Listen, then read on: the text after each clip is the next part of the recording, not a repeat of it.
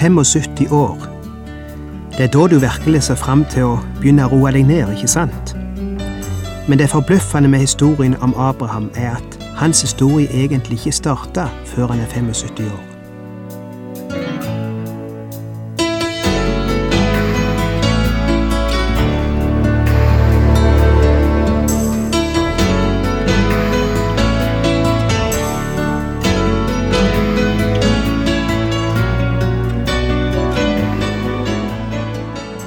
Hjertelig velkommen til et nytt program i serien Vindu mot livet. Vindu mot livet er basert på programserien Insight for Living ved Chuck Svindal. Programmet er produsert av Kristen Riksradio og blir ledet av Ola Bjoland.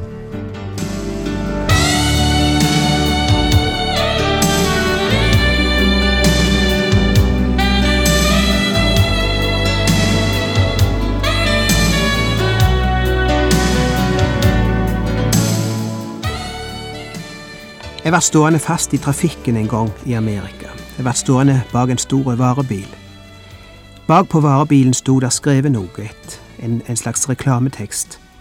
Og mens jeg sa der, kom jeg til å lese det som sto skrevet. Det var tre linjer med reklame, og det sto Å gå til tannlege er ikke dyrt, men å forsømme tennene er dyrt. I møtes hos tannlege Svendsen. Jeg kom til neste lyskryss og var fremdeles bak varebilen, og hadde nok av tid til å tenke over denne formuleringen i mitt sinn. Og jeg trengte en introduksjon til dette programmet, og jeg omskrev det litt og kom til følgende motto. Kristendommen er ikke komplisert, men å forsømme kristendommen gjør livet komplisert. Vi møtes ved Bibelen. Gud har tenkt ut en livsmåte, en måte å leve på, som egentlig ikke er komplisert. Men når vi begynner å rote med det, og trua blir erstatta med skyld og frykt og bekymring og panikk, da blir det veldig komplisert. Og før vi vet ordet av det, så har vi mista det gode, egentlige livet som vi kunne hatt. Og i plassen sliter vi med en forfalskning av livet, en etterligning av livet, som vi prøver å invitere Gud i for å be Han om hjelp til å komme ut av. Men det var ikke slik han hadde planlagt det. Kristendom er egentlig ikke komplisert, men det er det at du forsømmer kristendommen, og ikke tar vare på den, og ikke tar vare på livet ditt, som gjør det hele komplisert. Jeg vil gjerne gi deg fire sitat som er fra forskjellige tidsepoker. De har ingenting direkte med hverandre å gjøre. De folk jeg skal sitere, kjente ikke hverandre, men de samstemmer med hva jeg vil snakke om i de neste minutter. Det første sitatet er fra det første århundret, og du vil finne det i Bibelen din. Fra Kolosserbrevet kapittel 2 og vers 6. Dere har tatt imot Kristus Jesus som Herre. Så må dere også leve i ham. Hvordan var det vi tok imot Jesus? Ja, det var med tru, ikke sant? Det spiller ingen rolle om du kom ut av stoffmisbruk som 20-åring, eller om du var en uskyldig smårolling som ikke engang hadde begynt på skole. Du kom til Jesus ved tru. Det spiller ingen rolle om det var besteforeldre eller barnebarn, rike eller fattige, menn eller kvinner, på dette kontinentet eller andre plasser i verden. Du kom til Kristus på den enkleste måten, nemlig ved tru. Ingen kommer til Jesus på noen annen måte. Men hør nå litt, sier Paulus.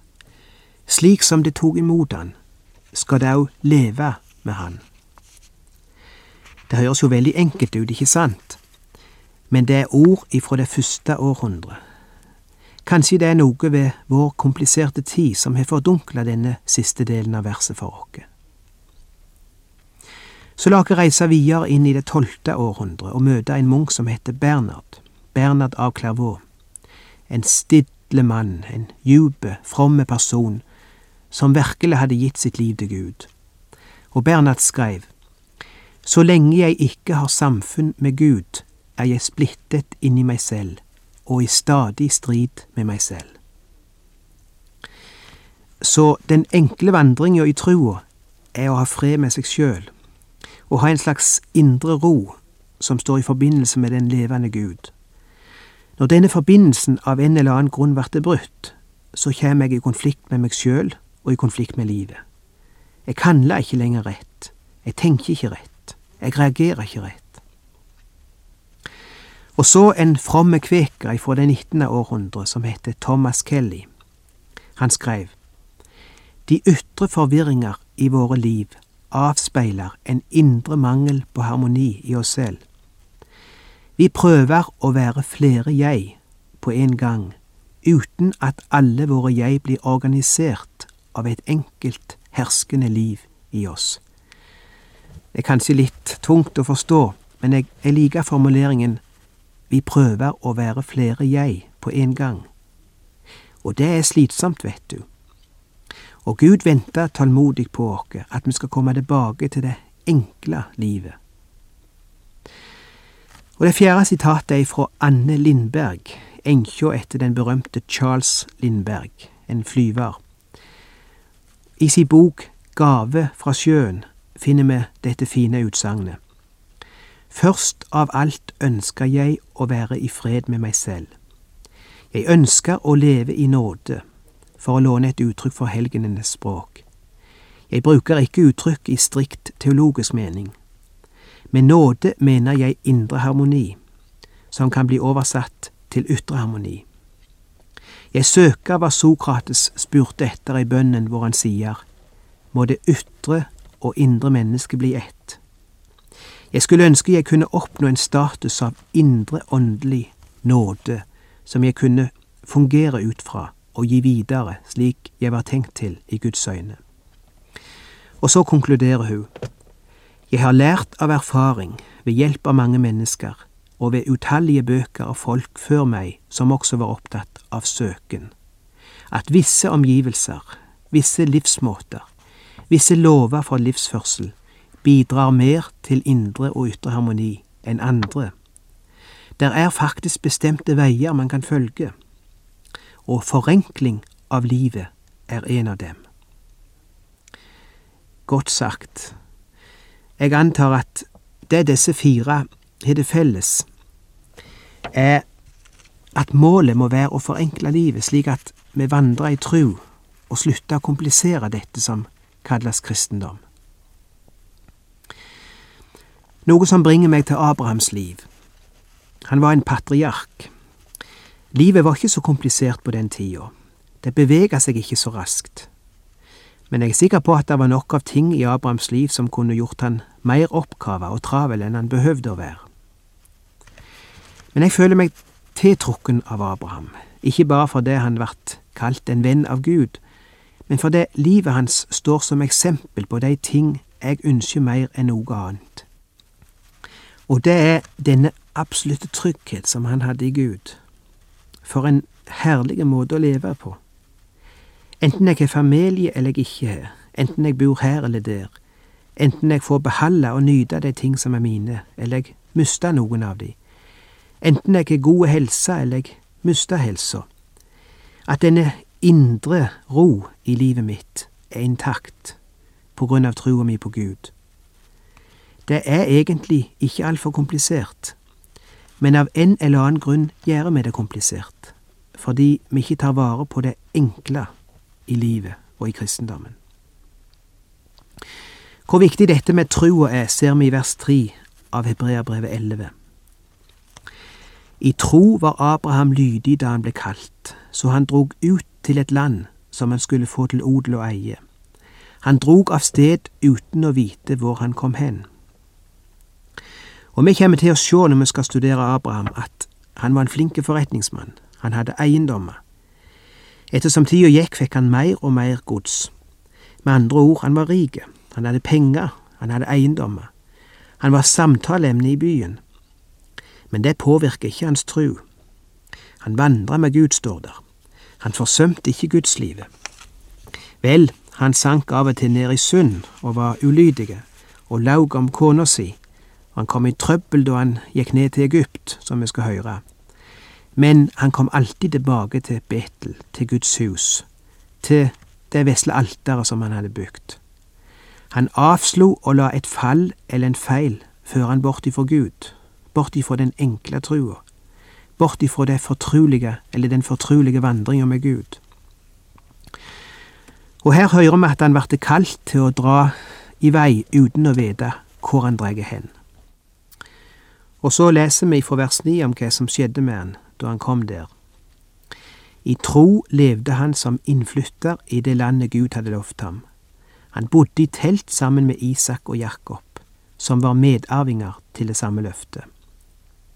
For han ventet på byen med de faste grunnvoller, den som, Gud, den som har Gud til byggmester og skaper. Så er det en helt annen side av historien når du ser på Sara, kona hans.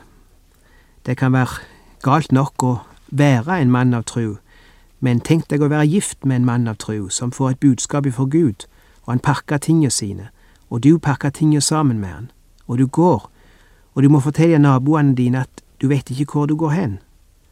Du kan ikke engang finne plassen på kartet. Gud bryter altså stillheten mens de er i Ur i Kaldea, og sier til Abraham, Jeg vil at du skal forlate dette, denne plassen og gå til et land som jeg skal vise deg. Jeg vil at du skal stole på meg, Abraham. Nå er altså Abraham i et land som er kjent for sin avgudsdyrkelse, og det er også kjent for sin handel. Det er en sikker og trygg plass å være. Det er en kjent plass. Abraham er juberød i, i Ur, og så sier Gud, nå skal du ikke være her lenger. Nå skal du forlate denne plassen, og jeg skal vise deg hvor du skal gå. Og så leser vi i kapittel tolv at han kommer tilbake og ser om han, og han gir han dette budskapet. Herren sa til Abraham, dra bort fra ditt land og din slekt og din fars hus til det landet som jeg vil vise deg. Jeg vil gjøre deg til et stort folk. Jeg vil velsigne deg og gjøre ditt navn stort. Du skal bli til velsignelse. Jeg vil velsigne dem som velsigner deg, og forbanne den som forbanner deg. I deg skal alle slekter på jorden velsignes.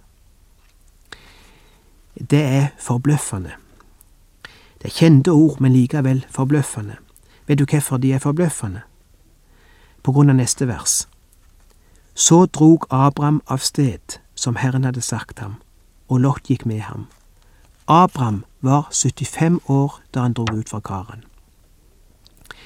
75 år. Det er da du virkelig ser fram til å begynne å roe deg ned, ikke sant? Men det forbløffende med historien om Abraham er at hans historie egentlig ikke starter før han er 75 år. Hvis du leter etter han i de forskjellige skriftene, så vil du se at det er først ifra 75-årsalderen at han kommer i fokus.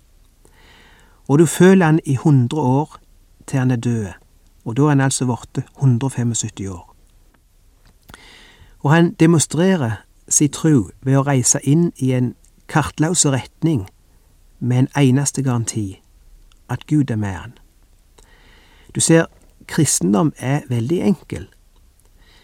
Det blir komplisert når vi gjør det komplisert. Og det hele ligger i det vi kaller tru. Og her er det vi skal lære så mye av Abraham. Ei bok som er kalt Sterk i troen, skriver om Abrahams bakgrunn slik. I de tidligere år av dette århundret var det vanlig å tenke om Abraham som en ung mann oppdratt i et tilbakestående område, som søkte eventyr i en mer utviklet sivilisasjon. Vi vet at det var det stikk motsatte som var tilfellet. Ur i Kaldea, hans fødested, var selve knutepunktet for handelsrutene i datidens verden, og ville antagelig tilsvare London eller New York i dag. Det var et travelt handelssenter og et senter for høy sivilisasjon. Nivået på kunst, medisin og juss overgikk alle andre steder i verden. En tavle som ble funnet nylig, avslører at matematikere i Ur i Kaldea var opptatt av å finne løsninger på matematiske problemer som fremdeles er på dagsorden på de store universiteter rundt om i verden. Når det gjelder kultur, hadde Abraham full mulighet til kontakt med mennesker fra verden omkring. Skjebnen hadde plassert ham på et sted hvor han virkelig kunne ha oversikt over det som foregikk rundt om i verden. Så Gud velger virkelig de rette omgivelsene når han plasserer dem han vil bruke som sine instrumenter. Og så legger han til, men Ur var, på den annen side, også et senter for hard avgudsdyrkelse og vonde religioner, og som alle slike steder var det fullt av råskap og korrupsjon. Abraham visste ingenting om den sanne Gud før Gud åpenbarte seg for ham, og han tilba sine for, for, forfedres guder. Det var altså fra denne scene av trygghet og kultur Abraham ble kalt til å gå om bord for å dra på en eventyrreise med Gud, uten kart. Der er mening i å forlate et utkantstrøk og flyge til byen. Der er mening i å forlate en tilbakestående kultur og flyge inn i et intellektuelt, akademisk område, men det er ikke mye mening i å gå det motsatte vei. Ikke med mindre at Gud ber oss om det. Og noen av dere er kanskje kalt til å forlate en travel by og flygge til en liten plass og tjene Han der. Og det stemmer ikke med vanlig logisk tenkning, men hvis Gud sier gjør det, da er det best at du gjør det, for du kompliserer ting når du gjør motstand imot Guds kall og ledelse. Vel, Abraham bestod den første prøven. Når vi kommer til kapittel 13, vers 14 og 15, får vi noen informasjon om dette landet som han kom til og det er en interessant informasjon. Herren sa til Abraham etter at Lot hadde skilt lag på ham, Løft dine øyne og se deg omkring, fra det sted hvor du nå, nå står, mot nord og sør, mot øst og vest. For hele det landet du ser, vil jeg gi deg og din ett for alltid. Det er litt av et løfte. Så langt du kan sjå, så langt som du kan tenke deg, i hvilken som helst retning. Det er ditt. Vær så god. Og det er for dine etterkommere òg. Jeg gir det til deg. Og vet du hva? Abraham trodde han. Han sa takk, Gud. Med andre ord, jeg tar imot det. I kapittel 17 møter vi Abraham igjen, og nå er han 99 år og, nei, og han er som en liten gutt som akkurat er i ferd med å begynne på livet. Han er akkurat i ferd med å begynne sin vandring i tru.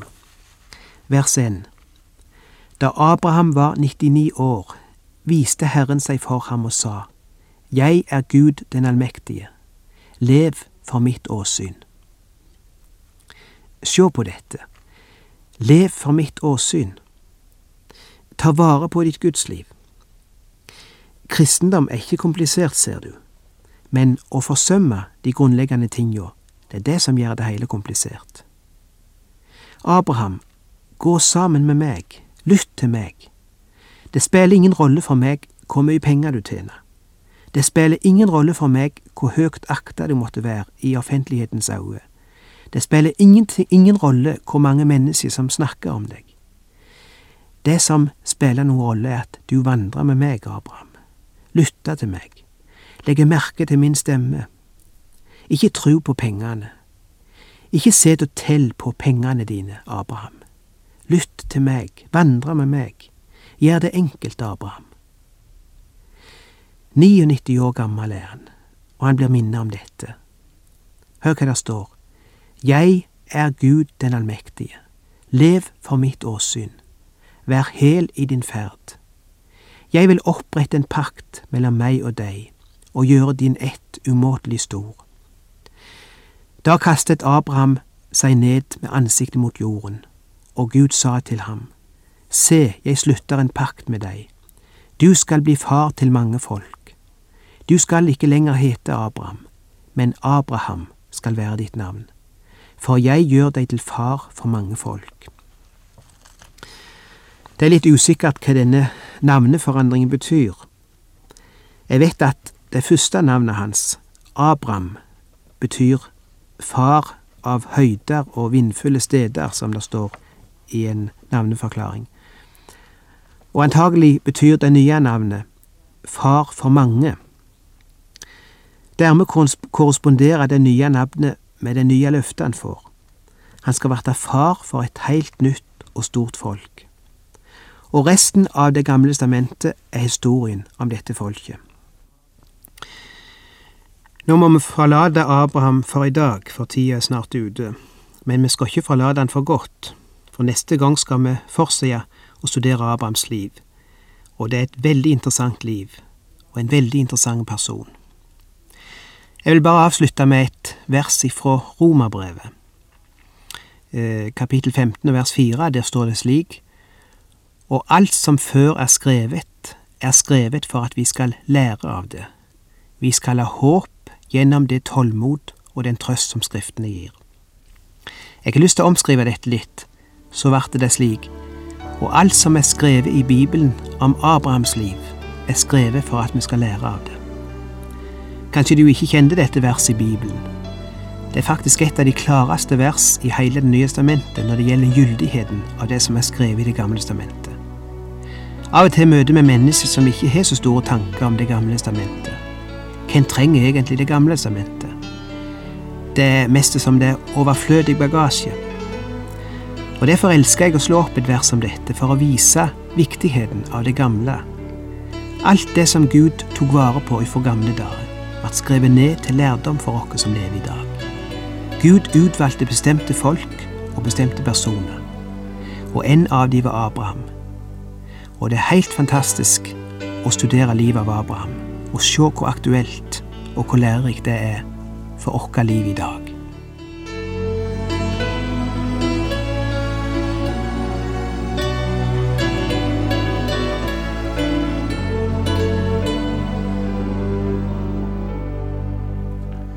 Du har lytta til Ola Bjoland i serien 'Vindu mot livet' fra Kristen Riksradios arkiv. Ola Bjoland var ansatt i Kristen Riksradio til han døde i 2002.